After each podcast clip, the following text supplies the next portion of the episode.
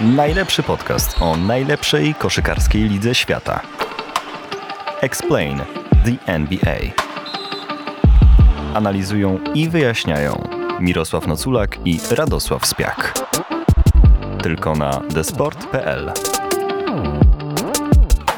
I tym sposobem wkraczamy w 2024 rok z naszym podcastem. Witaj Mirosławie. Witaj Radosławie. Zacznę od e, wspomnień z czasów mrocznych. Oj, już tak na początku? No dobra. Oczywiście, bo potem się rozkręcimy w te, w te, w te rejony bardziej takie, przy, przyja- bo będziemy w Miami, więc tam będzie słonecznie na pewno.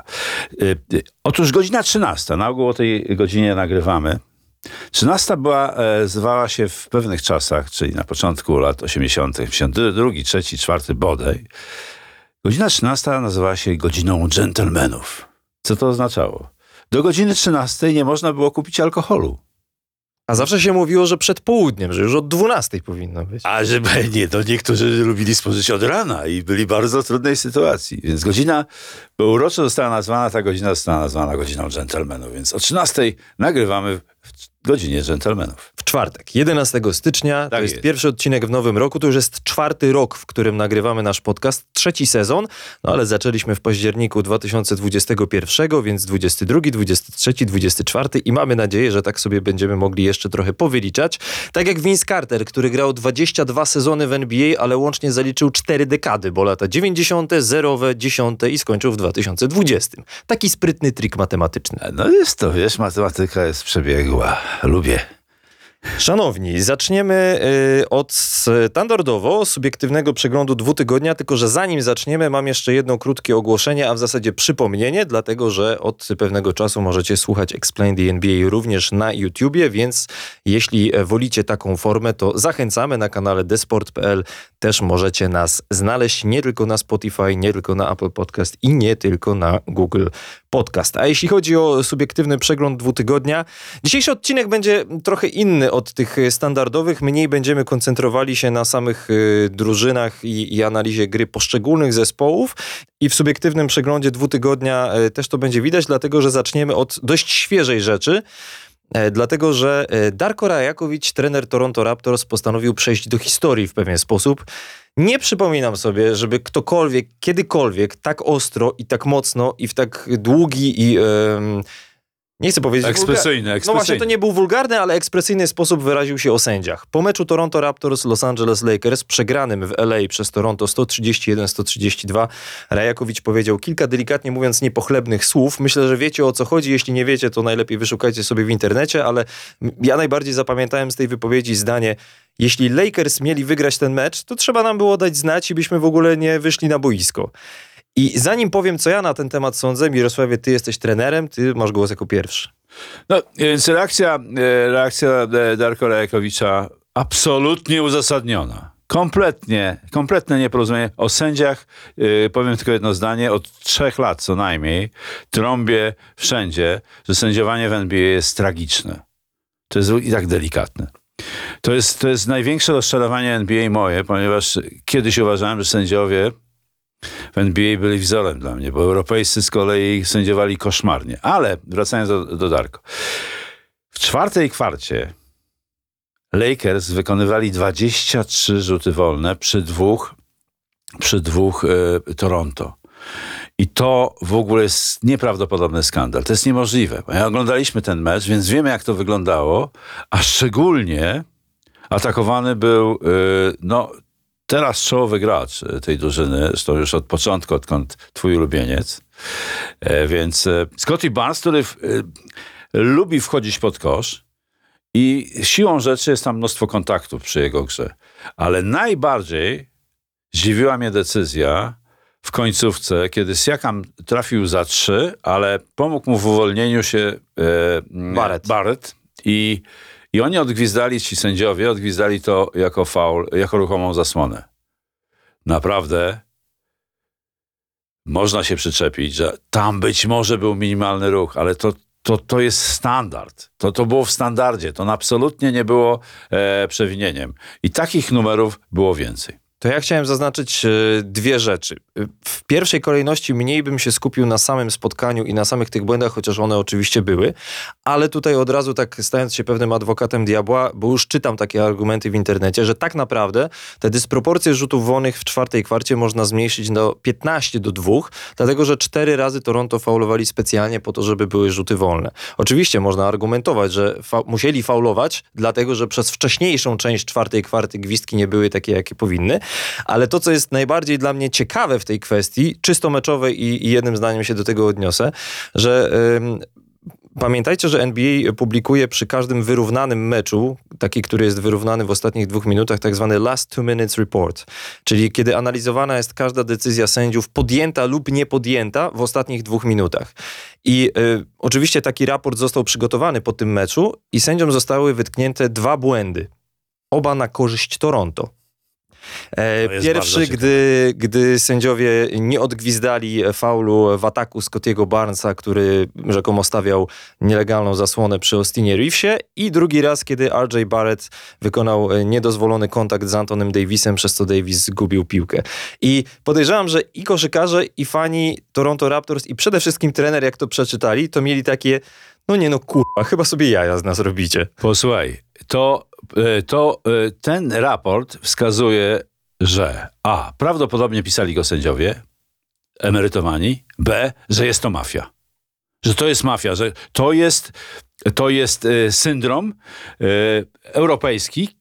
Powszechnie się mówi o sędziach, e, że to jest mafia. Że oni nigdy nie przyznają się do błędu, albo bardzo rzadko.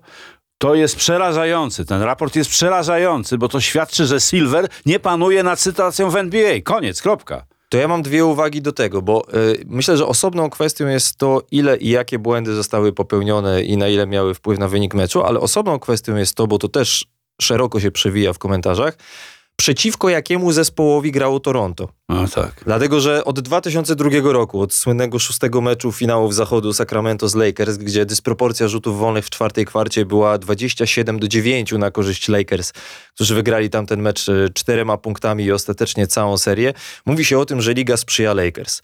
David Stern, były komisarz świętej pamięci, w 2004 roku zapytany, jaki najchętniej widziałby finał NBA, powiedział Lakers kontra Lakers.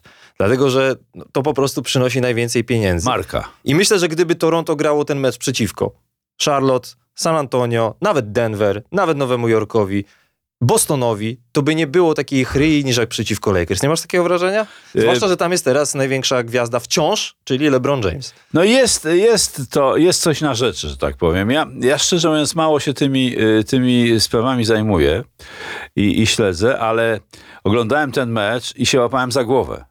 Jak w końcówce e, e, e, nie pozwolili Toronto w ogóle nic zrobić. Każdy kontakt na Davisie był faulem. I w zbliżeniach było widać, że to był kontakt. Ale to, był, to są często kontakty takie, które, które są, nie są odgwizdywane w NBA i słusznie, bo to są jakieś le, lekkie dotknięcia, niecelowe popchnięcia czy coś. To jest nieprawdopodobne, co zrobili sędziowie w, w końcówce tego meczu. Rajakowicz miał absolutnie rację, że na nich nakrzyczał. Czy już jest jakaś kara dla niego? Jeszcze w momencie, gdy nagrywamy te słowa, właśnie Nie- sprawdzam, jeszcze nie, ale spodziewam się w okolicach 100 tysięcy dolarów. Tak, no ja też się spodziewałem, że, że go ukażą. I to jest, i to będzie, to będzie świadczyło o tym, że, że sędziowie niestety mają za dużo do powiedzenia w tej chwili w NBA i to jest katastrofa dla tej ligi. To jeszcze w ramach Jak się to nie zmieni. Jeszcze w ramach ciekawostki, bo ten mecz był sędziowany między innymi przez Bena Taylora, którego z imienia i nazwiska wymienił w poprzednim sezonie e, Fred Van Vliet, który jeszcze wtedy grał w Toronto. Powiedział, że po jednym ze spotkań, że Ben Taylor jest kurwa dramatyczny. Dostał 30 tysięcy dolarów kary. To jest, też możecie znaleźć tę wypowiedź w internecie, półtorej minuty tak sobie porozmawiał. Dość spokojnie, naprawdę spokojnie na konferencji prasowej Fred Van Vliet. Więc y, kibice i część z koszykarzy Toronto z poprzedniego sezonu jeszcze to ma w głowie, że, że kiedy widzą Bena Taylora, to pewnie, pewnie gdzieś tam już podskórnie czują, że, że może być śmiesznie. Ale powiem ci Mirosławie, że moje pierwsze wrażenie, moja pierwsza myśl, jak posłuchałem tej wypowiedzi Rajakowicza, bo ja najpierw posłuchałem tej wypowiedzi, dopiero potem zobaczyłem, co się wydarzyło w czwartej kwarcie. To było takie, że wyszedł z niego obywatel Bałkanów. To nie chciałem o tym mówić, ale ty to powiedziałeś, bo to jest typowe bałkańskie zachowanie. Mówiąc y, delikatnie, trochę na granicy pieniactwa. E, Co zresztą nie jest tylko cechą bał, e, bałkaniarzy. Nie, absolutnie nie, tylko... Bałkaniarzy również e, zdarza się to w innych rejonach bliżej, bliżej naszych, naszego kraju.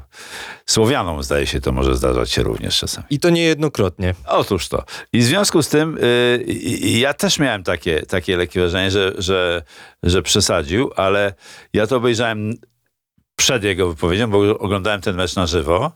Konferencji już nie oglądałem, bo to już, już y, rzadko kiedy to robię. I potem obejrzałem to już na stronach y, poświęconych NBA, tę jego wypowiedź. No i trudno było się z tym nie zgodzić, choć wrażenie miałem takie lekko gdzieś z tyłu, lekkie, że, że trochę poszedł za ostro. Ale, ale e, co do meritum się zgadzam. To ostatnia kwestia w tej kwestii i przechodzimy dalej. To nie jest pierwszy raz, kiedy trenerzy narzekają na sędziów. W tym sezonie Steve Kerr narzekał po meczu świątecznym jego Golden State przeciwko Denver Nuggets na sędziowanie pod Nikolę Jokicia, kiedy wykonał 18 rzutów wolnych w tamtym spotkaniu.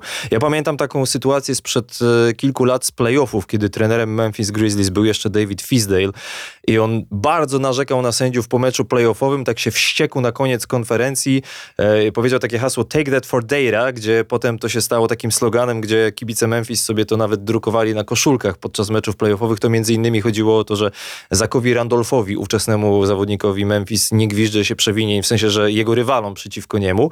I, i od, zaczynam odnosić takie wrażenie, że i koszykarze, i trenerzy mówią o tych sędziach nieprzychylnie coraz częściej i zastanawiam się, i to już naprawdę ostatnia kwestia, z czego to wynika? Będziemy mówili o w głównej naszej y, części naszego, naszego podcastu dzisiejszego o pewnych sprawach związanych ze zmianą w, w strukturze gry y, współczesnej NBA. I y, to nie jest usprawiedliwienie, broń Boże, dla sędziów, bo ja nie lubię usprawiedliwiać tych gości. Jako trener zawsze miałem zawsze miałem Bo po Byłem w opozycji, delikatnie po dwóch mówiąc. stronach barykady. tak, w opozycji byłem, Delikatnie delikatnie, delikatnie mówiąc. E, uważam, że po prostu tempo gry, szybkość gry, technika, motoryka, e, pomysły taktyczne trenerów powodują, że ci goście najzwyczajniej w świecie nie nadążają za tym rozwojem koszykówki. Nie nadążają. Są kiepscy, nie uczą się, nie doskonalą i nie nadążają. Zwyczajnie w świecie.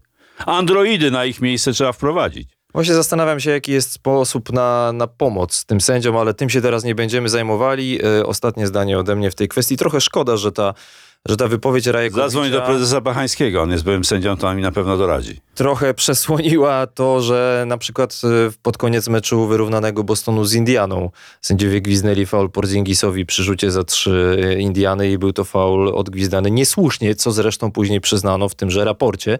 I ta sprawa zeszła zdecydowanie na bok właśnie po tej wypowiedzi Rajakowicza. Tam był jeden konkretny błąd, tutaj mieliśmy całą kwartę. Ale dobra, idziemy dalej, musimy iść dalej, natomiast zostajemy przy tematach trenerskich w y, przeglądzie dwutygodnia. 120 milionów dolarów przez najbliższe 8 lat zarobi trener Miami Heat Eric Spelstra. Rekordowy kontrakt, jeśli chodzi o łączną sumę pieniędzy, jaką dostanie przez, przez właśnie ten okres. Y, W przeliczeniu na jeden sezon jeszcze nie zarabia najwięcej, bo to wyjdzie mniej więcej 15. Popowicz w San Antonio zarabia 19, natomiast jak zobaczyłem te liczby, to miałem Mirosławie takie wow. Naprawdę wow, dlatego że to jest najwyższy kontrakt, mówię czysto suma. E, e, Suma pieniędzy. wartości bezwzględnej. Tak, wartości bezwzględnej ze wszystkich trenerów w historii sportów amerykańskich. Więc Spelstra, trzeba przyznać, no brawa dla niego. Ogromne brawa dla niego. Ja, jak wiesz, i to nieraz w niejednym podcaście mówiłem, że to jest mój ulubiony trener i według mnie najlepszy w tej chwili trener w, w NBA. Można by się spierać i obok niego postawić e, Steve'a Kera, który ma trochę więcej tytułów, szczególnie w ostatnim tam dziesięcioleciu, powiedzmy, e, jako trener z Golden State, ale mnie styl Spolstry najbardziej odpowiada co dla mnie jest najciekawsze i, i, i najważniejsze, że to jest gość, który, który ma taką dewizę, która się mniej więcej definiuje jako no pain, no gain, albo blood, sweat and tears, czyli bez pracy nie ma efektu, nie ma wyniku. I on uważa, że pot i praca to jest podstawa budowania jego, jego zespołów. To może Nie widziałem tego z bliska, więc nie, nie umiem, nie, mogę tylko sobie spekulować. Ale jeżeli masz, tu się odwołam do historii, którą, o której nieraz mówiliśmy, jeżeli masz siedmiu niedraftowanych graczy w zespole i dochodzisz z nimi do finału NBA, nie wygrywasz go, ale dochodzisz do finału NBA, no to znaczy, że tam jest ogromna praca wykonana. Ogromna praca i bardzo ciekawe podejście, bo ja przygotowałem jeden cytat z okazji tego segmentu, ciekawe. który jest moim zdaniem bardzo, bardzo interesujący e, i e, pochodzi sprzed kilku lat, odnosi się do e, 2015 roku, kiedy Spolstra po raz pierwszy jako trener nie awansował ze swoją drużyną do playoffów. I mówi coś takiego. Po dwóch tytułach mistrzowskich nieda- nie- niedaleko wcześniej. Tak, tak, tak, oczywiście.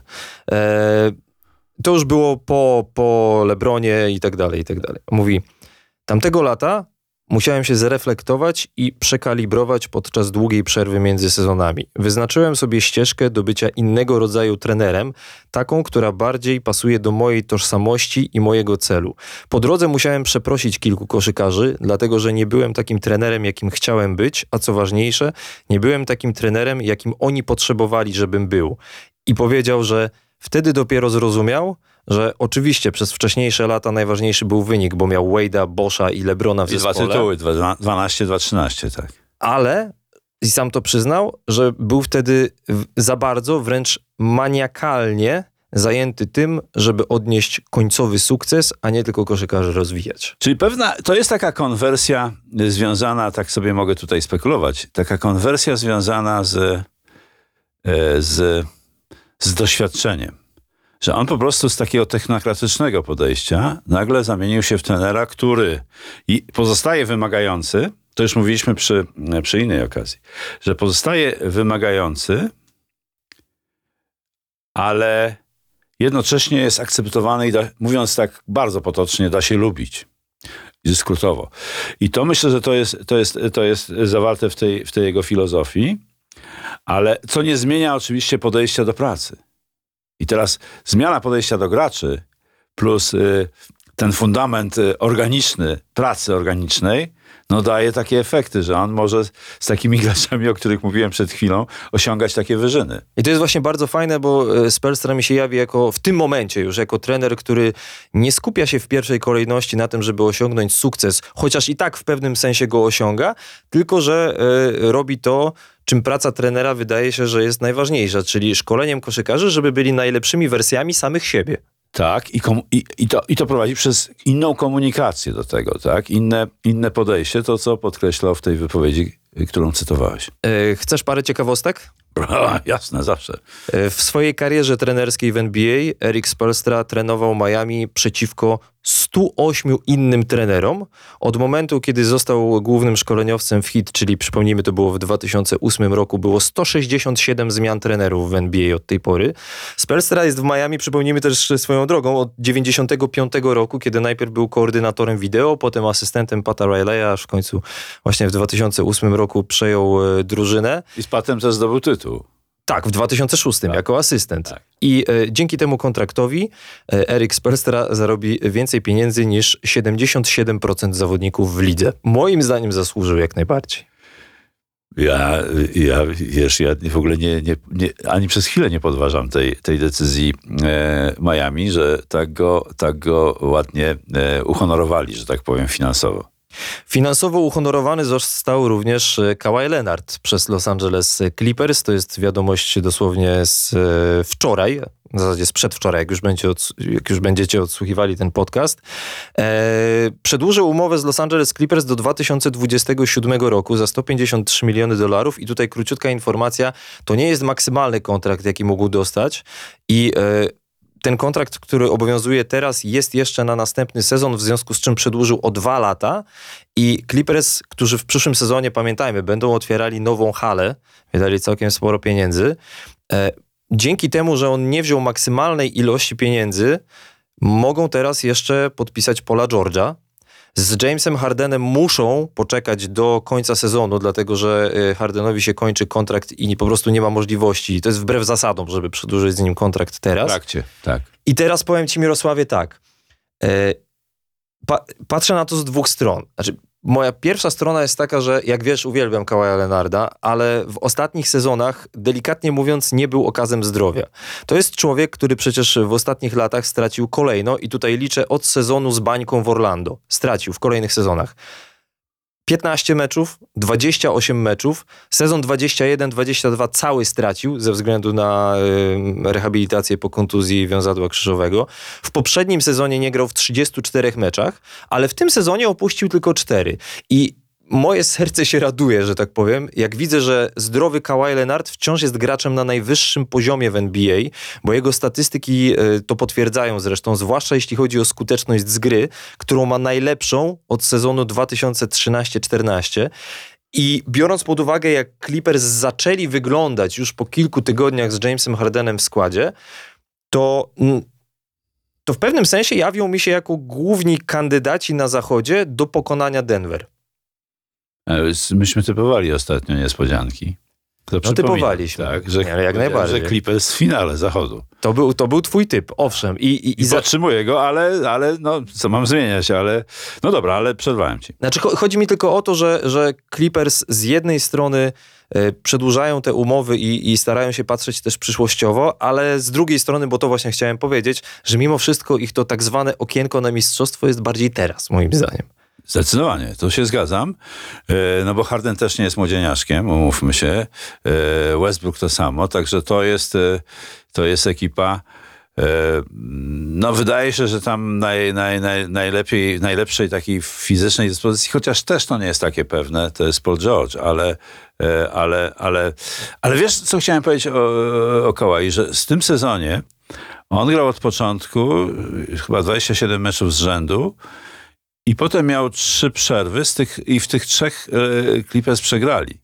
Po takiej świetnej serii, tam kiedy mieli chyba dziewięć z rzędu wygranych. No i, i, i wrócił i, i, i dzisiaj w nocy wygrali. Więc to jest... Toronto Raptors. Toronto tak, Raptors. Toronto podobnie jak, jak dzień wcześniej z Lakersami mocno się stawiało. W końcówce było tylko trzema dla Clippersów, ale Paul George właśnie trafił truje i się skończyło wy- zwycięstwem e, Clippersów.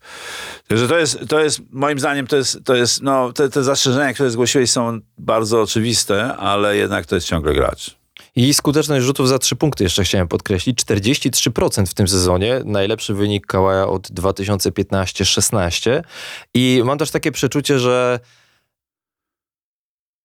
że ta trójka, czyli George, a w zasadzie czwórka nawet, yy, Kawhi, George, Harden i Westbrook zostanie w Los Angeles.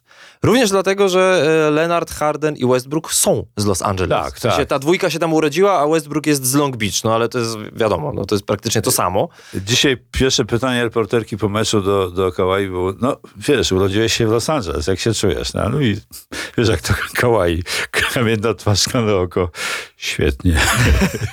Po prostu bardzo ciekawi mnie to, że y, jak będą wyglądali Clippers właśnie po tym sezonie, w zależności od wyniku, jaki będą mieli, bo podpisując ten kontrakt z Kałajem zrobili dwie fajne rzeczy. Znaczy, po pierwsze, zapewnili sobie y, super gwiazdę, mimo wszystko, ja go tak traktuję wciąż, jak jest zdrowy, tak jak widać to obecnie, na najbliższe lata, gdzie będą mieli osobną halę od Los Angeles Lakers, będą już tylko oni ściągali kibiców do tej hali i jednocześnie zostawili sobie miejsca na trochę pieniędzy jeszcze, żeby tych zawodników obudować kimś, kim będzie potrzeba akurat w danym momencie. Szanowni, e, subiektywny przegląd dwutygodnia zamykamy i przechodzimy do głównego tematu naszego pierwszego w 2024 roku odcinka. E, Postanowiliśmy z Mirosławem, że e, poruszymy temat może i szeroki, może i o którym Trudny, trudny i obszerny, na pewno. można rozmawiać z pewnością długo. E, stwierdziliśmy jednak, że warto. Dlatego, że, że jest to w pewnym sensie podstawa funkcjonowania gry w NBA obecnie, czyli jak funkcjonuje atak. Ja mam taki pomysł, żeby porozmawiać troszeczkę o grze tyłem do kosza, tej tak zwanej post-up lub, lub jak niektórzy mówią również na bloku. E, natomiast y, wiem Mirosławie, że ty będziesz miał szersze spojrzenie i zanim ja wejdę w liczby, albo inaczej, podam tylko jedną liczbę, bo wydaje się, że, że ta gra tyłem do kosza przez ostatnie sezony, w ciągu ostatniej dekady, ze względu na e, zwiększającą się co chwilę liczbę oddawanych rzutów za trzy punkty, odchodzi w zapomnienie. I faktycznie ta, ta liczba ustawień tyłem do kosza w porównaniu chociażby do, nie wiem, do lat 90. czy do pierwszej dekady tego wieku, faktycznie zdecydowanie spadła. Nawet jeszcze 10 lat temu zespoły NBA średnio grały tyłem do kosza 15 akcji w meczu, obecnie już tylko nieco ponad 4. Natomiast nie zmienia to faktu, że w porównaniu, jak weźmiemy taki mniejszy zakres, to znaczy 3 lata do tyłu, to ta liczba akcji tyłem do kosza zaczyna trochę wzrastać. Dla przykładu, e, dwa sezony temu było tylko 7 drużyn w lidze, które używały gry tyłem do kosza częściej niż w 5% posiadań.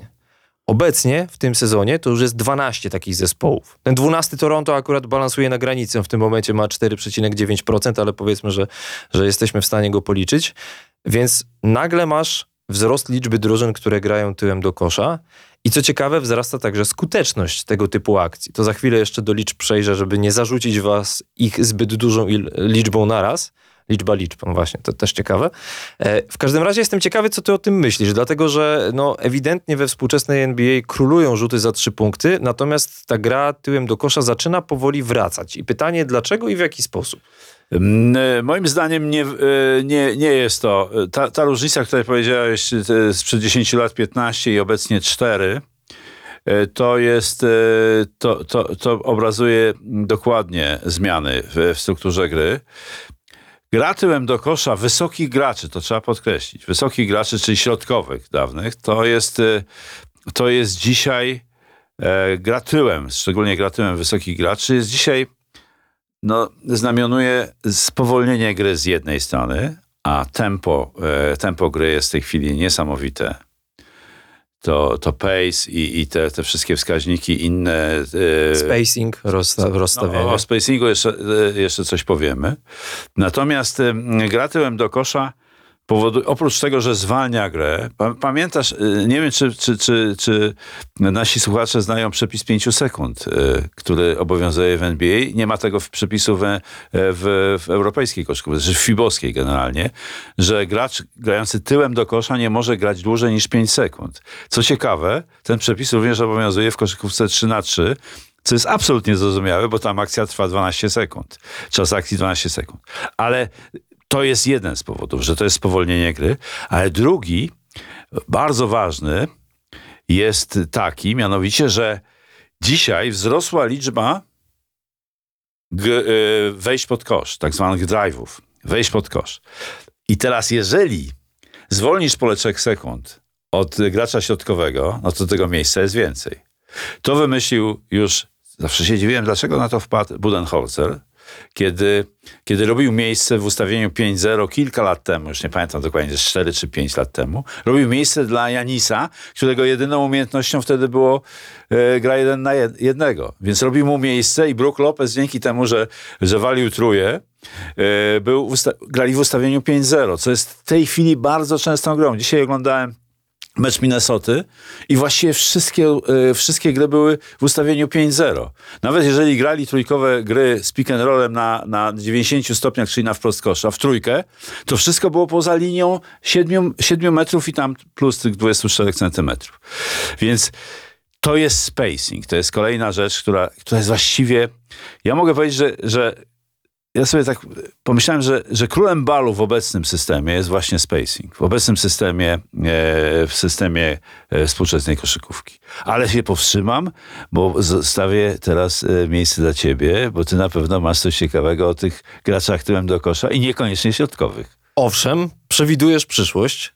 E, Chociaż zaznaczę na początek, że tak sobie oglądałem trochę fragmentów koszykówki z lat 90. NBA na YouTubie, jak się przygotowywaliśmy do tego podcastu, do tego segmentu konkretnie. Sobie sprawdzałem, na przykład był taki koszykarz, pewnie pamiętasz, Rick Smith, był środkowym Indiana Pacers, taki tak, dwa, dwa, dwa, ponad 13, coś w tych granicach, bardzo wysoki. Tak, jemu, jemu stawiano zasłony żeby on wychodził na pozycję tyłem do kosza w sytuacji, kiedy on schodził w pole 3 sekund z obwodu. To dla mnie było bardzo ciekawe. Ja, ja wprawdzie oglądałem NBA w, pod koniec lat 90., ale przyznam, że oczywiście z, nie analizowałem tego tak wtedy.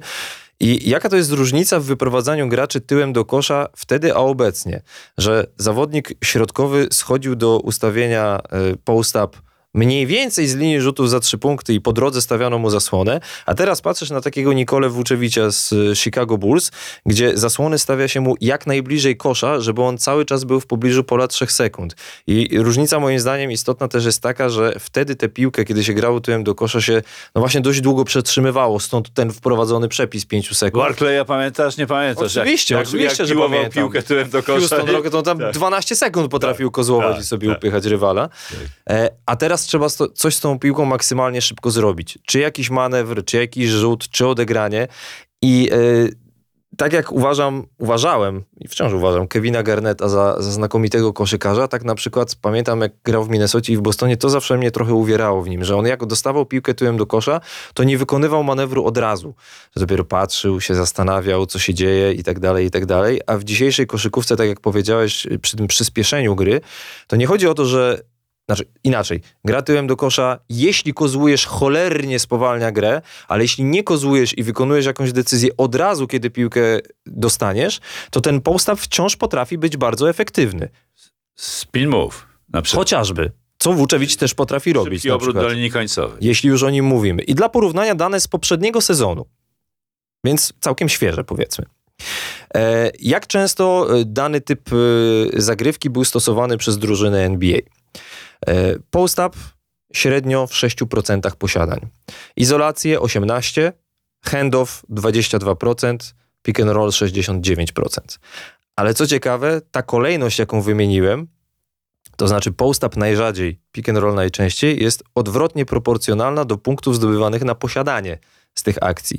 To znaczy pick and roll zdobywasz 98 em, setnych punktu na posiadanie, e, handoff e, troszeczkę więcej, izolacja troszeczkę więcej i post-up jest jedynym zagraniem, w którym zdobywasz średnio więcej niż jeden punkt na posiadanie. Wydaje się, że nawet 1-9. A, no to, a to jak to jest możliwe? Weź mi to wytłumacz. No proste, bo to jest rzut z, z bliskiej odległości i, e, i, i rzadko wykonywany, więc nie ma tych, tych, tych rzutów zbyt dużo i w związku z tym ta skuteczność wydaje się po prostu większa, zwyczajnie.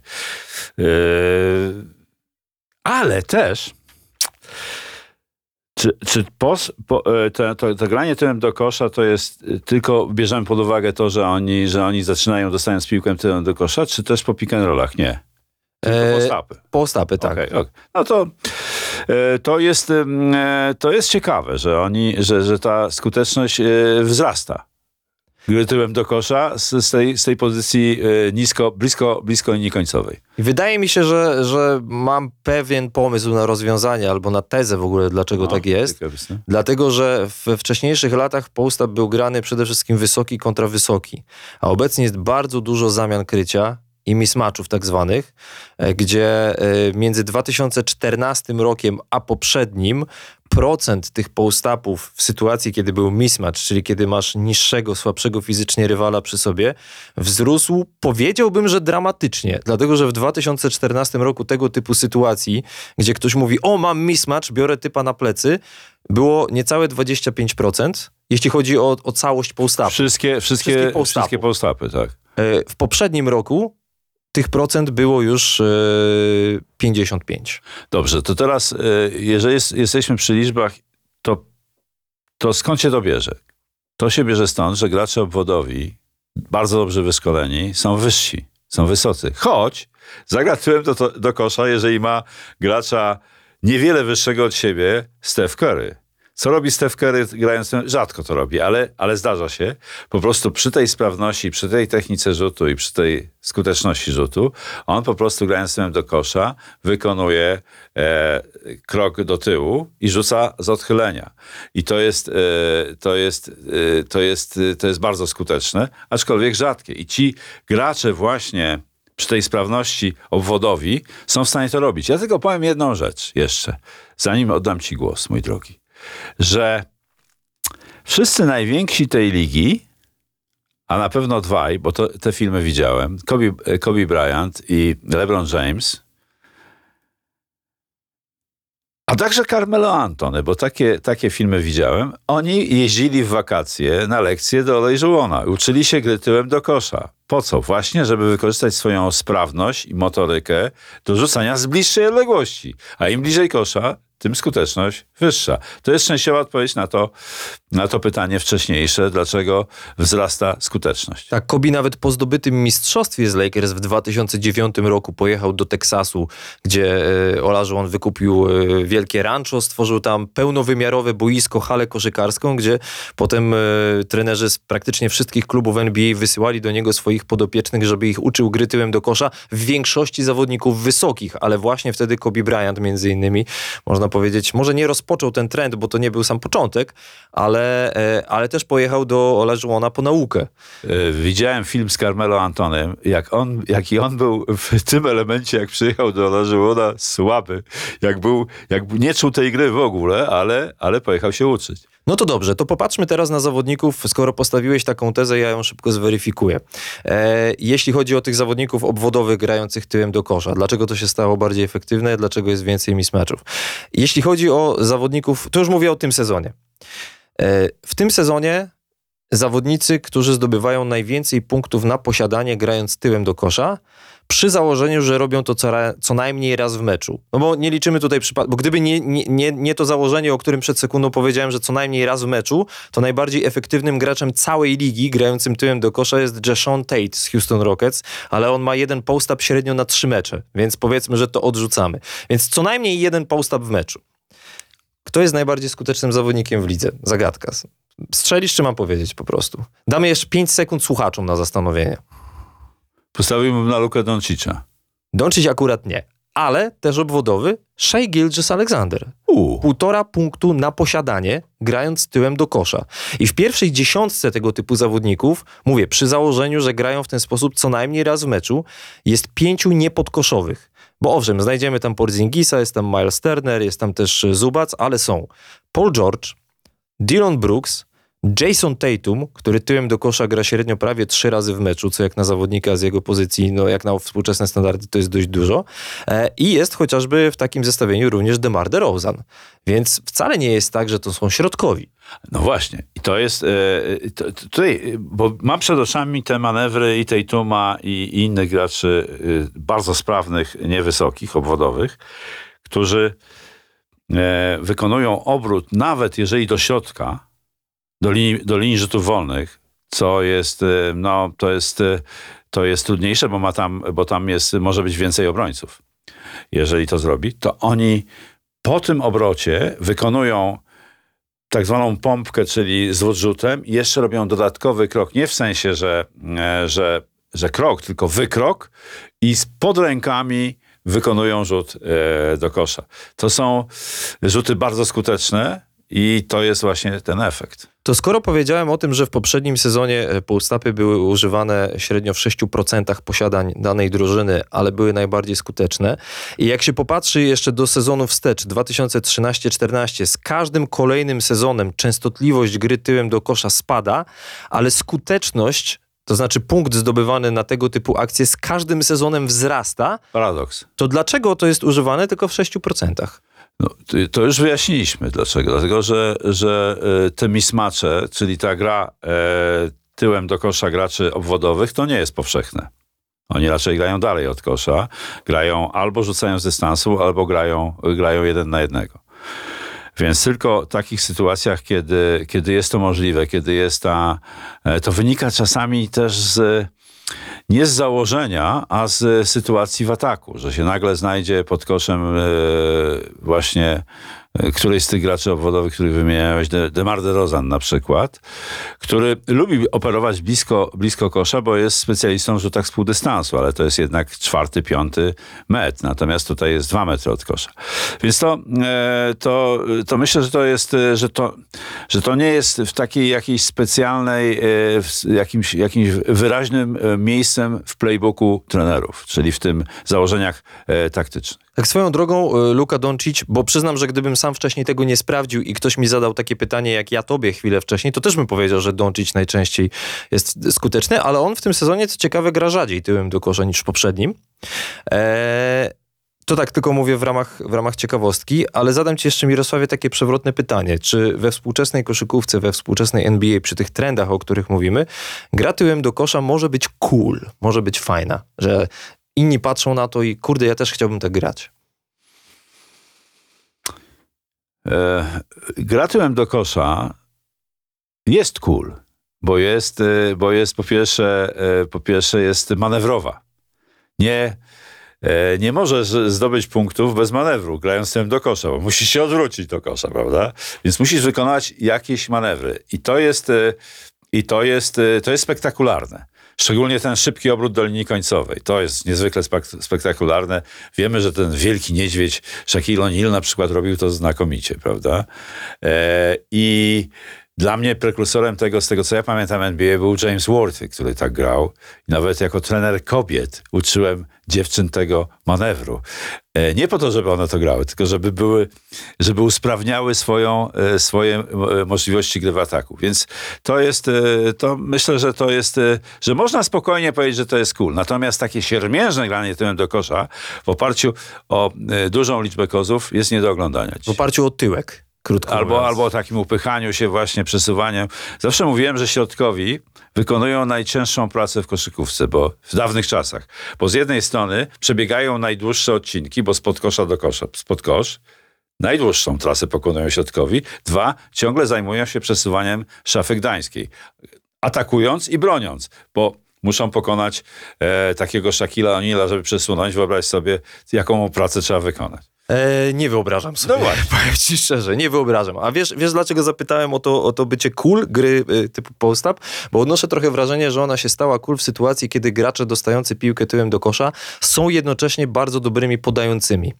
I oczywiście tutaj wielka w tym zasługa Jokicia, ale Duncicia również, ale jak popatrzysz na te nazwiska, które wcześniej wymieniłem, jak Gilgis Alexander, to nagle się okazuje, że z tego typu gry możesz stać się w pewnym sensie, oczywiście to jest duże uproszczenie, ale w pewnym sensie możesz stać się rozgrywającym. No to jest, y, to jest y, stara zasada y, inside-outside, do- do środka i na zewnątrz. Czyli jeżeli środkowy był, środkowemu uniemożliwiano grę do kosza i zdobywanie punktów, to oddawał piłkę na obwód. Albo y, natychmiast, gdyby podwajany, oddawał do wolnego gracza, który, e, od którego przyszło podwojenie. Więc to jest, no to jest jedna, jeden z elementów ważnych współczesnej koszykówce, odrzucenie piłki na zewnątrz. I ciekawi mnie również to, że część drużyn, akurat mam przykład z poprzedniego sezonu, nie z tego, ale w wyrównanych końcówkach meczów sięga po ten sposób. Na przykład był taki mecz w poprzednim sezonie, bardzo wyrównany Boston-Oklahoma City. Możecie sobie znaleźć, jak macie League Passa, gdzie w decydujących fragmentach Tastu- Jason Tatum dostawał piłkę tyłem do kosza. Właśnie po to, żeby skupić na sobie uwagę obrony, żeby ewentualnie ktoś do niego zszedł i rozrzucić podaniem, albo podjąć szybszą decyzję i samemu skończyć akcję. Więc kiedyś się wydawało, ja przynajmniej kiedyś tak na to patrzyłem, że jak już ktoś dostanie piłkę tyłem do kosza, no to się upycha, upycha. Ale żeby i, skończyć. I ma tak, albo w prawo, albo w lewo, do końcowej, do środka, albo wymuszenie przewinienia, a nagle się okazało, że jest całe multum możliwości wykończenia akcji, kiedy ustawiasz gracza w ten sposób. No tak, tu, jest, tu jeszcze do tego dochodzą ścięcia, e, obiegnięcia, e, ucieczka za plecy z, z rogów boiska przy tym dzisiejszym e, e, ustawieniu graczy, więc e, tych możliwości zdobywania punktów e, nie prześrodkowego, ale tego, który wykonuje asystę przed, przed meczem jest, jest sporo. Natomiast czy kończymy sprawę środkowych, czy... Możemy. Czy, bo, bo mnie, mnie, mnie od jakiegoś czasu bardzo interesuje, jak się zmienia struktura w ataku. Dlaczego atak ma taką przewagę nad obroną? I to chciałbym w kilku słowach powiedzieć, ponieważ i zwrócić uwagę na pewne elementy, ponieważ yy, często słyszę takie opinie, że w NBA nie ma obrony. To jest absurd, to jest nieprawda. Oczywiście zdarzają się mecze, kiedy, kiedy, kiedy yy, Nikomu się nie chce. nikomu się nie chce, jak choćby choćby, choćby finał e, tego tru- turnieju e, ins- przy- e, śródsezonowego, kiedy Miles Turner po prostu włóczył się po boisku, to jest w ogóle słaby obrońca, poza blokami, e, to, to, to nawet nie chciał mu się dojść do gracza, żeby kryć go, e, kryć go szczelnie, mówiąc tak potocznie. Natomiast dla mnie tak jak powiedziałem, królem balu jest w tej chwili e, ustawienie, e, rozstawienie graczy, czyli spacing. I z tego się bierze mnóstwo rzeczy i kłopotów dla obrony. A po pierwsze, wzrosła istotnie liczba rzutów, e, rzutów za trzy. Nie będę tego nie operował liczbami, bo to jest ewidentnie sprawa oczywista. Dochodzi czasami do 50% rzutów w grze za trzy. Więc to powoduje, że obrona musi się skoncentrować na graczu z piłką i w, przesuwać się, żeby, żeby uniemożliwić e, A. Zbiórkę po rzucie niecelnym z dystansu, B. Wejście, minięcie, co jest coraz e, częstszym zjawiskiem, ponieważ mimo, że obrona moim zdaniem, tutaj nie mam danych statystycznych, e, ale obrona istotnie poprawiła grę tak zwaną szarżą, czyli takim wyłapywaniem e, graczy na, e, na, e, na, na, na W rozpędzie. w rozpędzie na przewinienie w ataku, ale jaka jest na to odpowiedź? Są dwie, dwie odpowiedzi. Jedna technika to jest zatrzymanie i obrót w tył i fade away, czyli rzut, z- rzut z dystansu, z, z, z odchylenia, a druga to jest kick, o, kick out, czyli wejście i odrzucenie piłki, gdy nagle obrońca z pomocy ci zagraża drogę, mimo że minąłeś swojego przeciwnika, odrzucenie jej na obwód i znowu strzał z dystansu. Więc to są, jest tyle elementów, które, które powodują, że, że, mm, że, ta, że, ta, że obrona wydaje się prawie bezradna przy dzisiejszym ataku. Ale jest jeszcze jeden element, szalenie ważny. Przy tym ustawieniu, rozstawieniu takim szerokim, y, zwróćmy uwagę, większość ustawień to są, jest dwóch graczy w rogu, w rogu boiska. Trzech grają e, na obwodzie lub dwóch grają pick and rolla na wprost kosza, a drugi stoi, stoi na 45, trzeci stoi na, na, na, na 45 stopniach. Nie ma w polu trzech sekund nikogo. Dlatego mówiliśmy też o tym, o tym, o tym że tyłem do kosza. Co to powoduje?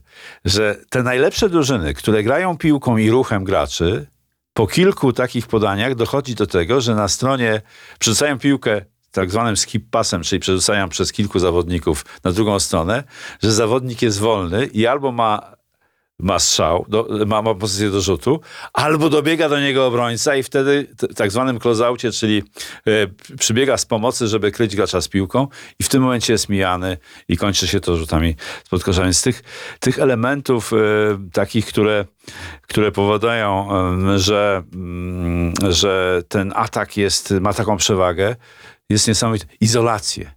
Mówiłeś, i, jaki procent jest y, punktów zdobywanych z izolacji? Coraz większy. Zdawało się, że kiedyś było tego więcej. Nie, teraz jest więcej punktów zdobywanych z izolacji. Więc tych elementów, które powodują, że, e, że atak ma taką przewagę, jest bardzo dużo. Ale co się za tym kryje moim zdaniem? Przede wszystkim lepsza motoryka i technika, bo motoryka napędza doskonałą technikę. Zwróćmy uwagę, ile jest elementów, ilu graczy, żeby nie wymieniać wszystkich, to wymieniaj Hardena i, i Kerego, którzy, czy, czy Doncicza, jak potrafią się uwolnić samodzielnie od obrońcy, żeby strzelić z dystansu. No to to jest w ogóle nie, niesamowite. W jaki sposób korzysta się z pick and rolli, żeby oddać rzut z dystansu. To jest mnóstwo elementów, które powodują, że atak ma przewagę nad obroną i wygląda to dla niedzielnego oglądacza NBA jak niebronienie. Po prostu, jak brak obrony, może w ten sposób. Jak brak obrony. To, to nie ma nic wspólnego z brakiem obrony. Świetnie o tym mówi J.J. Redick, nie podam, znajdziecie sobie y, też y, w YouTubie jego wypowiedź na ten temat y, przed, y, sprzed Sylwestra, bo tam następny element po tym, o czym ja mówię, to, to jest składanie życzeń różnym. I między innymi do sędziów, kończąc jeszcze element sędziów, y, mówi, słuchajcie panowie, nie życzę sobie, żebyście wyrzucali Jokicza ten do kumpo y, w drugiej kwarcie. Zapomnijcie o tym. Mirosławie, jak ciebie słucham, to mam wrażenie, że powinniśmy zrobić taki osobny segment naszego podcastu, albo w ogóle osobny podcast, tak zwany spin-off, gdzie Mirosław będzie y, tylko zawiłości taktyczne wyjaśniał. Tak te, teraz sobie ciebie słucham i mówię, kurde, jak zajebiście po prostu, także jako trener możesz wciąż tyle opowiadać i, i tego się słucha Ale, ale, ale wiesz o co chodzi? To, to jest jedyna szansa, żeby o tym powiedzieć, bo w e, transmisjach, które uczestniczę i komentuję, nie ma czasu na to, żeby w ogóle prowadzić jakąkolwiek analizę. Jest Wiem. po prostu, Wyobraź sobie, że wiem. Doskonale wiesz to, bo, bo to samo jest w każdej lidze. To ja, ja mam y, dwie y, uwagi, czy po prostu tematy, czy, czy, czy pytania w związku z tym, y, o czym powiedziałeś. Y, to rozstawienie zawodników w narożnikach y, jest, jest bardzo ciekawe o tyle, że czasami tymi zawodnikami bywają właśnie środkowi, jak chociażby Brook Lopez Tak, w Milwaukee, w Milwaukee. Bucks. To jest też jedna z jego ulubionych pozycji. Tak sobie jak patrzę wiesz, na ile te rzutów mecze, wolnych wykonywał Brook Lopez, jak zaczynał chyba w New Jersey Nets? rzutów wolnych, Rzutów z dystansu? No mało. Dwie dziesiąte na mecz wychodziło mu wtedy, a dzisiaj ma y, ponad pięć. On jest najbardziej skrajnym przykładem tego typu. Takim drugim był Mark Gasol, moim zdaniem, Tak, gdzie praktycznie z sezonu na sezon nagle stał się kompletnie innym zawodnikiem pod kątem rzutów za trzy punkty. I tak sobie pomyślałem, kurczę, jakby ktoś mi powiedział na początku tego stulecia, że środkowi będą rzucali za trzy z narożnika, to mi się stuknął w głowę i powiedział, no dobra, no to, to, znaczy, to znaczy, że będzie najgorsza drużyna w lidze i że będą zdobywali średnio 60 punktów. E, a, a propos rzutów na, za trzy punkty, które w dużej mierze wynikają ze spacingu, to co dla mnie jest ciekawe, y, jest to, jest to że e, w ostatnich powiedzmy, że czterech latach, czterech sezonach, ta liczba rzutów za trzy punkty wydaje się, że doszła do pewnej ściany. To znaczy, że średnia oddawanych rzutów za trzy przez drużyny już przestała wzrastać, a jeśli nawet, to minimalnie. Dlatego, że jak weźmiemy sobie 4-5-letnie okresy, powiedzmy, że od początku tego stulecia, no to ta liczba oddawanych rzutów za trzy punkty wzrastała tak. Między 2001 a 2006 rokiem o trzy rzuty średnio więcej. Każda drużyna w NBA, mówię, w meczu. Potem to wzrosło przez kolejne 5 lat o, o dwa, potem przez kolejne, już trochę przyspieszę, przez kolejne 8 lat o 10 rzutów za 3 punkty średnio i tak od 2000 powiedzmy 19 roku to już się utrzymuje na stałym poziomie, czyli co, doszliśmy do ściany. Yy, To też wynika ze struktury tej, o której mówiliśmy przed chwilą, że jest zachowana proporcja gry po wejściach i rzutów, rzutach z dystansach. To jest też, to wynika też właśnie z tej naczelnej zasady dobrego spacingu, czyli dobrego rozstawienia graczy, że masz wybór, albo walisz truje, albo wjeżdżasz. Więc e, e, to, to naprawdę, e, jak się ogląda NBA i analizuje, jak rozwija się ta gra, to jest coś niebywałego. Ile tam jest inwencji sztabów szkoleniowych, żeby tę grę ciągle doskonalić. To, to nie jest, powiedziałbym tak, gołym okiem widoczne może, ale jak y, weźmiemy liczby i uważniej się przyjrzymy temu wszystkiemu, to wychodzą takie historie, o których ty mówisz. I co ciekawe, w tym sezonie, oczywiście jesteśmy dopiero w jego połowie y, mniej więcej, ale w tym sezonie mamy najwięcej celnych rzutów za trzy punkty średnio w każdym meczu. Prawie 13 e, danej drużyny oczywiście. No i kwestia jest tego typu, co może zrobić obrona w takiej sytuacji? No bo powiedzieliśmy, z czego to wynika, że ten atak jest coraz lepszy i coraz trudniej go się broni, ale oczywiście koszykówka to są dwie strony boiska, więc skoro jest reakcja po jednej, no to akcja po jednej, to jaka będzie reakcja po drugiej? W sensie jesteś, jesteś teraz asystentem czy trenerem w NBA i, i widzisz współczesne trendy, to co jeszcze można zrobić? E, Tu jest naprawdę trudna odpowiedź. Ja myślę, że oni poszukują tej odpowiedzi i myślę, że jednym, jednym ze sposobów jest obrona strefowa. Ale Jednak. Tak, ale ale pod warunkiem, że będzie dobrze kryła, czyli ustawienia, które dobrze kryją, y, kryją y, rzuty z dystansu. Ale takich ustawień nie ma. Bo jeżeli ustawisz obronę 3-2, która dobrze kryje 90%, 90 stopni 45, czyli skrzydła wysokie i na wprost kosza, to masz w rogach dziury. Już nie mówię o słynnej obronie 1-3-1, która z- otwiera zupełnie narożniki. Ale ona się zdarza czasami w NBA. Bardzo rzadko, ale się zdarza. Więc obrona strefowa, ale tylko po to, żeby wybić z rytmu i żeby uniemożliwić yy, wejścia. Bo rzut z dystansu jednak ma ograniczoną skuteczność, choć żeby na przykład e, zdobyć e, taką samą liczbę punktów rzutów z e, z półdystansu spod kosza, trzeba mieć skuteczność dużo większą niż 50%, a wystarczy mieć 30 kilka za 3. To po prostu matematyka. Więc, e, więc e, te, te rozwiązania są bardzo trudne. A wiesz, dlaczego zadałem to pytanie? Podwajanie, może podwajanie, to, to co stosują coraz częściej zespoły, czyli bardziej agresywna obrona. No, trudno w tej chwili znaleźć na to taką jednoznaczną odpowiedź. Ja, ja, ja nie widzę takiej prostej odpowiedzi na to pytanie. Ja zadałem to pytanie e, nie tylko pod kątem e, rzutów za trzy punkty i tego, co powiedziałem, że w tym sezonie jest ich najwięcej celnych e, w historii NBA, ale pamiętasz, jak robiliśmy odcinek o obronie strefowej, to tłumaczyliśmy, że obrona strefowa ma służyć nie tylko temu, albo może nawet nie przede wszystkim temu, żeby zmniejszyć liczbę rzutów za trzy punkty rywala, tylko zmniejszyć rzuty spod kosza. A ponieważ tych drive'ów jest coraz więcej, to czy mimo wszystko obrona strefowa, nawet typu box and one powiedzmy, nie byłaby bardziej efektywna, no bo obrona strefowa, skoro ustawisz strefę i każdy zawodnik broni dane, danego miejsca, to może nie będzie o wiele trudniej o dobre rzuty za trzy punkty, ale będzie trudniej o wjazdy. Tak, no to na pewno. Trudniej jest przy obronie, szczególnie jest y, 2-3. To jest trudniej dostać się pod kosz przy tej obronie, aczkolwiek tam jest ochrona e, specyficzna, bo błąd 3 sekund w obronie e, powoduje, że ten gracz pod, podkoszowy w obronie musi z tej strefy podkoszowej wychodzić. Ale to, to, to przede wszystkim, jak mówiliśmy o tym, to też obrona strefowa powoduje powoduje e, wybicie, i tu, się, tu jest zgoda, wybicie e, z rytmu płynnego atakowania, kiedy grają piłką i podaniami gracze e, przeciwnika. I wtedy, wtedy co się dzieje, to zauważyłem w kilku ostatnich meczach. E, ostatnio zauważyłem taką, takie odpowiedzi na, na obronę strefową. Żeby to uniemożliwić, tę, tę, tę, to właśnie tę grę jeden na jednego, dostawanie się pod kosz i, i, i płynną grę w ataku, to często jest tak, że gracz z piłką tak jak Lillard, czy tego typu zawodnicy, jak, jak, e, jak e, Paul George, nie inicjują gry w ataku, tylko zbliżają się do granicy 8 e, metrów i walą truje. I to jest sygnał, to jest sygnał, skuteczny oczywiście, bo, to jest sygnał, że obronę strefową trzeba zwijać, bo trzy jest więcej niż dwa i to jest, i to jest, i to jest, to jest problem. No tutaj to wyważenie tych wszystkich, e, tych wszystkich sytuacji w obronie, e, sztuka obrony e, w tej chwili cierpi na skutek wybitnego ataku, po prostu. Fascynujące to, prawda? Tak jak, A, jak człowiek popatrzy jak to się rozwinie, jak to się zmieniło. Nie? No, zmienia, to jest w ogóle fenomenalna. Koszykówka jest fenomenalna. To jest naj... Oczywiście powiem teraz e, coś szowinistycznego, e, bo, bo to jest najlep... naj, naj, najlepsza i najbardziej inwen... e, naj, mająca najwięcej inwencji gra i tyle. No i bardzo dobrze.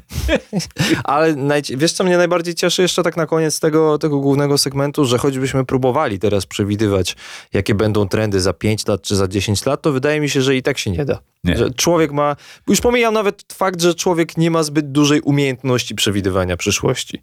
No. Nawet na podstawie jakichś tam historycznych danych, czy, tak. czy wyciągania liczb tak do końca nie, nie wiemy, czy może za 10 lat będzie 50 rzutów za 3 punkty w meczu, a może właśnie będzie ich mniej, bo wrócą rzuty z półdystansu w większej liczbie. Kto to wie? E, jest, jedno jest pewne, że sztaby szkoleniowe mocno nad tym pracują, jak to doskonalić, bo to się nie bierze z powietrza, to co się dzieje w tej chwili w koszykówce NBA. A to samo schodzi niżej, czyli do Europy i na cały świat i ta koszykówka na całym świecie robi postępy. A wiesz, co jeszcze jest pewne? Pewne jest to, że mamy jeszcze jeden segment w dzisiejszym odcinku. No i że zapłacimy NBA. podatki w tym miesiącu na przykład. Tak, i w przyszłym też. I o. za dwa miesiące o. też.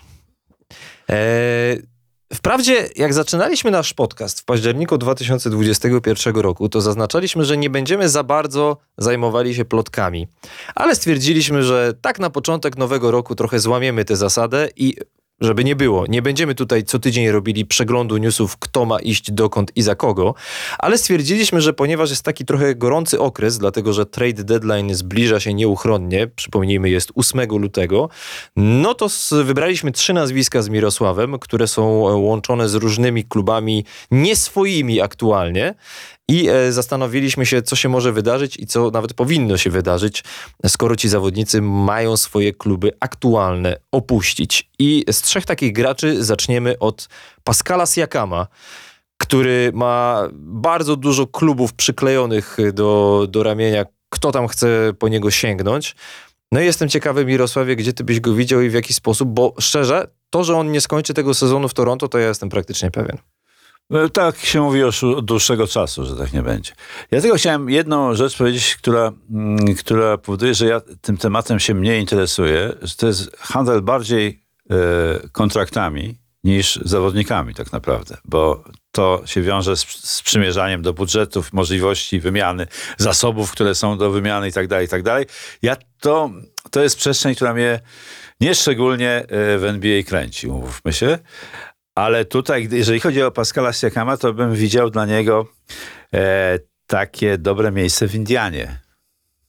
Jeszcze mu się teraz uśmiechnąłem, ale słuchacze tego nie wiedzą, bo nie, nie, umawialiśmy się z Mirosławem na, na konkretne typy, po prostu stwierdziliśmy, że posłuchamy co jeden i co drugi ma do powiedzenia, więc jak, jak kontynuuj, kontynuuj. Do Indiany dlatego, że po pierwsze, ja bym wyrzucił stamtąd e, tego e, Turnera, który nie broni, a Siakam ma podobne, e, podobne cechy. Nie blokuje tak dobrze oczywiście jak, jak, jak, e, jak Miles Turner, ale walitruje tak samo jak Miles Turner, a może lepiej. Nie sprawdzałem danych statystycznych. Graje tyłem do kosza E, ciągle bardzo dobrze, e, więc może grać na dwóch pozycjach, czyli 4-5. A mają, mają tam jeszcze pod koszem e, Isaiah, Isaiah Jackson, który jest y, bardzo solidnym graczem w obronie i takim dobrym protektorem, jak to się ładnie teraz mówi, e, obręczy, czyli ochroniarzem. Strażnikiem. Strażnikiem, o, strażnik to jest też dobre słowo. E, i, i, I w związku z tym, e, w związku z tym w Indianie, która jest no, nastawiona na, na atak nieprawdopodobnie, ciągle lider e, w tych, w tych e, rankingach, e, to byłoby dla niego dobre miejsce. No, uśmiechnąłem się dlatego, że ja też wybrałem Indianę. A, bo... Że on też, też faktycznie tam by pasował, natomiast y, tak popatrzyłem jeszcze na szybko, przyznaję, na, na te kontrakty, na liczby i tego, kogo Indiana mogłaby oddać. I wyszedł mi taki pakiet, że Bruce Brown, Obi Topin, Jaras Walker i Andrew Nemhart. I tam jakieś piki w drafcie jeszcze. I, I zaznaczę jedną rzecz przede wszystkim.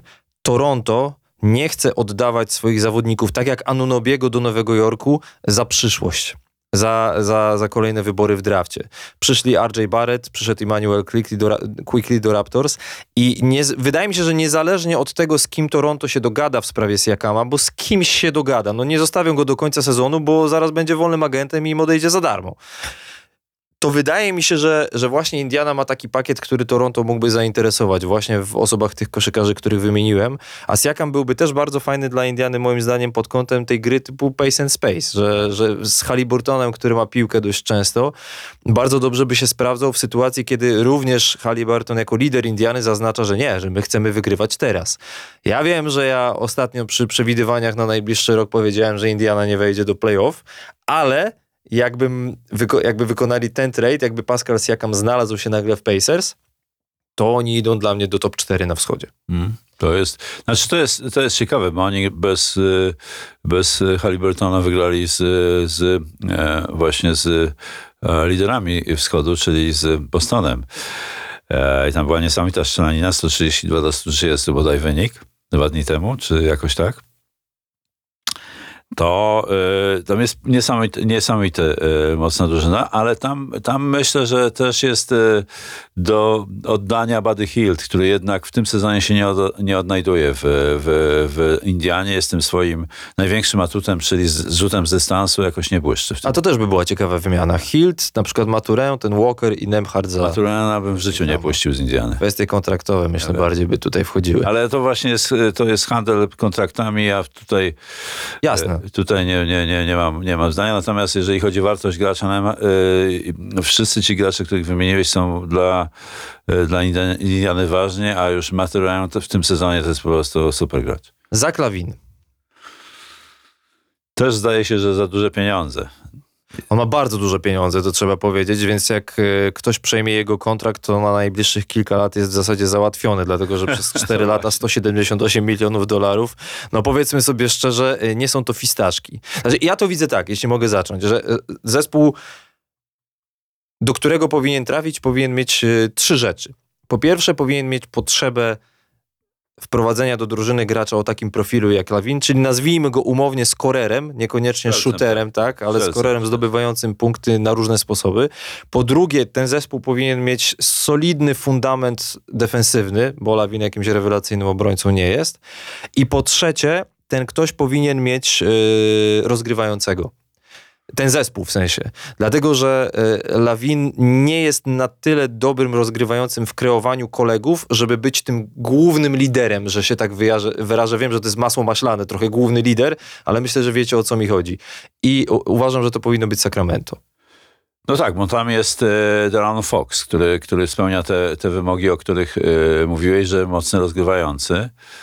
Mm. Problem jest tylko taki, że prawdopodobnie w tego typu wymianie Chicago by sobie zażądało y, przede wszystkim Kigana Mareya, którego Sacramento jestem pewien, że nie chcieliby oddać. Ale jeśli Sacramento chce wykorzystać swoje obecne, to przyjmijmy to okienko na powalczenie o coś więcej niż tylko pierwszą rundę playoffów, to chyba bym w to szedł.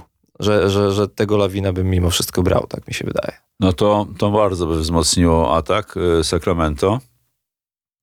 Ciekawe, ciekawa koncepcja. No jeszcze, jeszcze y, można, może myśleć o nim y, Golden State. Dlatego, że tam jest, y, tam po odejściu y, Jordana Pula i, i teraz kontuzji Chrisa Pola i tak, no, słabszej grze, jeżeli chodzi o rzuty z dystansu i o w ogóle zdobywanie punktów Kleja Thompsona, to są to są problemy. E, Golden State mają problemy, są poza dziesiątką w tej chwili, więc być może tam potrzebna jest jakaś e, mocniejsza restrukturyzacja. Wiggins w ogóle nie gra, na, nie zbliża się do poziomu z sezonu mistrzowskiego sprzed dwóch lat. Mają duży problem. Jeszcze został nam, i to będzie najciekawszy fragment już na koniec tego odcinka, e, DeJounte Murray. Najciekawszy dlatego, że jest łączony e, między innymi z San Antonio Spurs, czyli ze swoją byłą drużyną. I tutaj od razu powiem, że tutaj nie, nie wymyślałem e, koła. E, przypatrzyłem się temu San Antonio i na moment odstawiłem w myślach fakt, że Jeremy Sohan jest Polakiem. E, I kurczę, pasuje mi ten Murray przy Łębaniamie, powiem ci. Dlatego mam wrażenie, że ludzie trochę zapomnieli po tych ponad dwóch latach w Atlancie, że on jest naprawdę bardzo dobrym rozgrywającym. On notował w San Antonio średnio ponad 9 asyst. Trey Young, no to jest, ja nie wiem kto to wymyślił, ten, ten, ten, ten, e, ten, ten, ten trade, że tak powiem, ten handelek tym, tymi graczami w przypadku e, Atlanty. Tak, to było lato 2021 roku, kiedy DeJounte Murray poszedł do Hawks, no i nie da się ukryć, że ten, nie chcę tego nazwać eksperymentem, ale to zestawienie Trey Young i DeJounte Murray obok siebie nie działa, bo obaj potrzebują piłki, żeby być efektywnymi. A Young jest tam e, od początku kariery, jest tam niekwestionowaną gwiazdą, więc ja tam nie widzę więcej miejsca dla DeJounte Murray'a, zwłaszcza żeby to było z korzyścią dla drużyny. No i, i muszę przyznać, że, że gdyby Murray wrócił do San Antonio na przykład w pakiecie z Patym Millsem, a Atlanta by dostała coś w stylu Keldon Johnson, wybory w drafcie, no i powiem to niechętnie, ale Jeremy Sohan, to wyglądałoby to, wydaje mi się, y, pozytywnie z perspektywy i DeJounte Murray'a i San Antonio i kurczę, kto wie, czy nie Atlanty.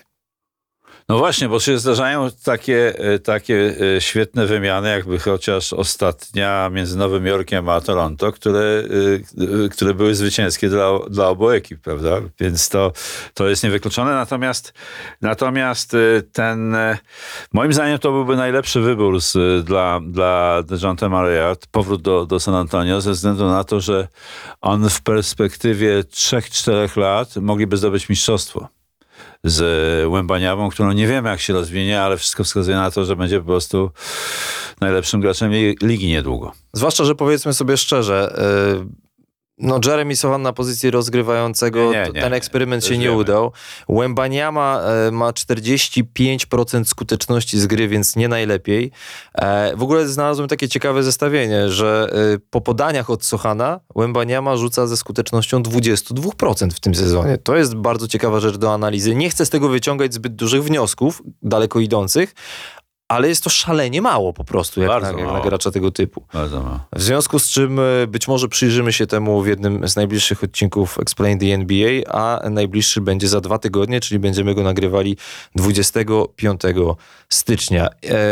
Słuchajcie, dziękujemy Wam pięknie za ten pierwszy w nowym roku odcinek. Jeszcze w kwestii wyjaśnienia, e, dlaczego nie rozdawaliśmy książek w tym odcinku. Powiedzmy, że e, kwestia techniczna trochę nam w tym przeszkodziła, natomiast obiecujemy, że postaramy się to nadrobić za dwa tygodnie ze zdwojoną mocą, ale też zaznaczamy i e, zachęcamy Was do tego, żebyście nie czekali koniecznie na tweet od The Sport, tylko może zadawali pytania w trakcie sezonu, po prostu pod hashtagiem Explain the NBA. Mirosław jest na Twitterze, bardzo go lubi, sprawdza go codziennie, więc będzie wyłapywał najciekawsze pytania i będziemy się w ten sposób przygotowywali na bieżąco, a nie tylko 24 godziny przed nagraniem. Naprawdę zachęcamy, hashtag Explain the NBA. Przyznaję, zostałem wrobiony w tego Twittera, ale rzeczywiście go polubiłem jak, w jakimś tam stopniu. Zatem dziękujemy za dzisiaj. Godzina minęła jak z bicza strzelił, w związku z czym słyszymy się za dwa tygodnie i trzymajcie się ciepło, bo się zimno zrobiło. Tak jest, do, do usłyszenia. Na razie, hej.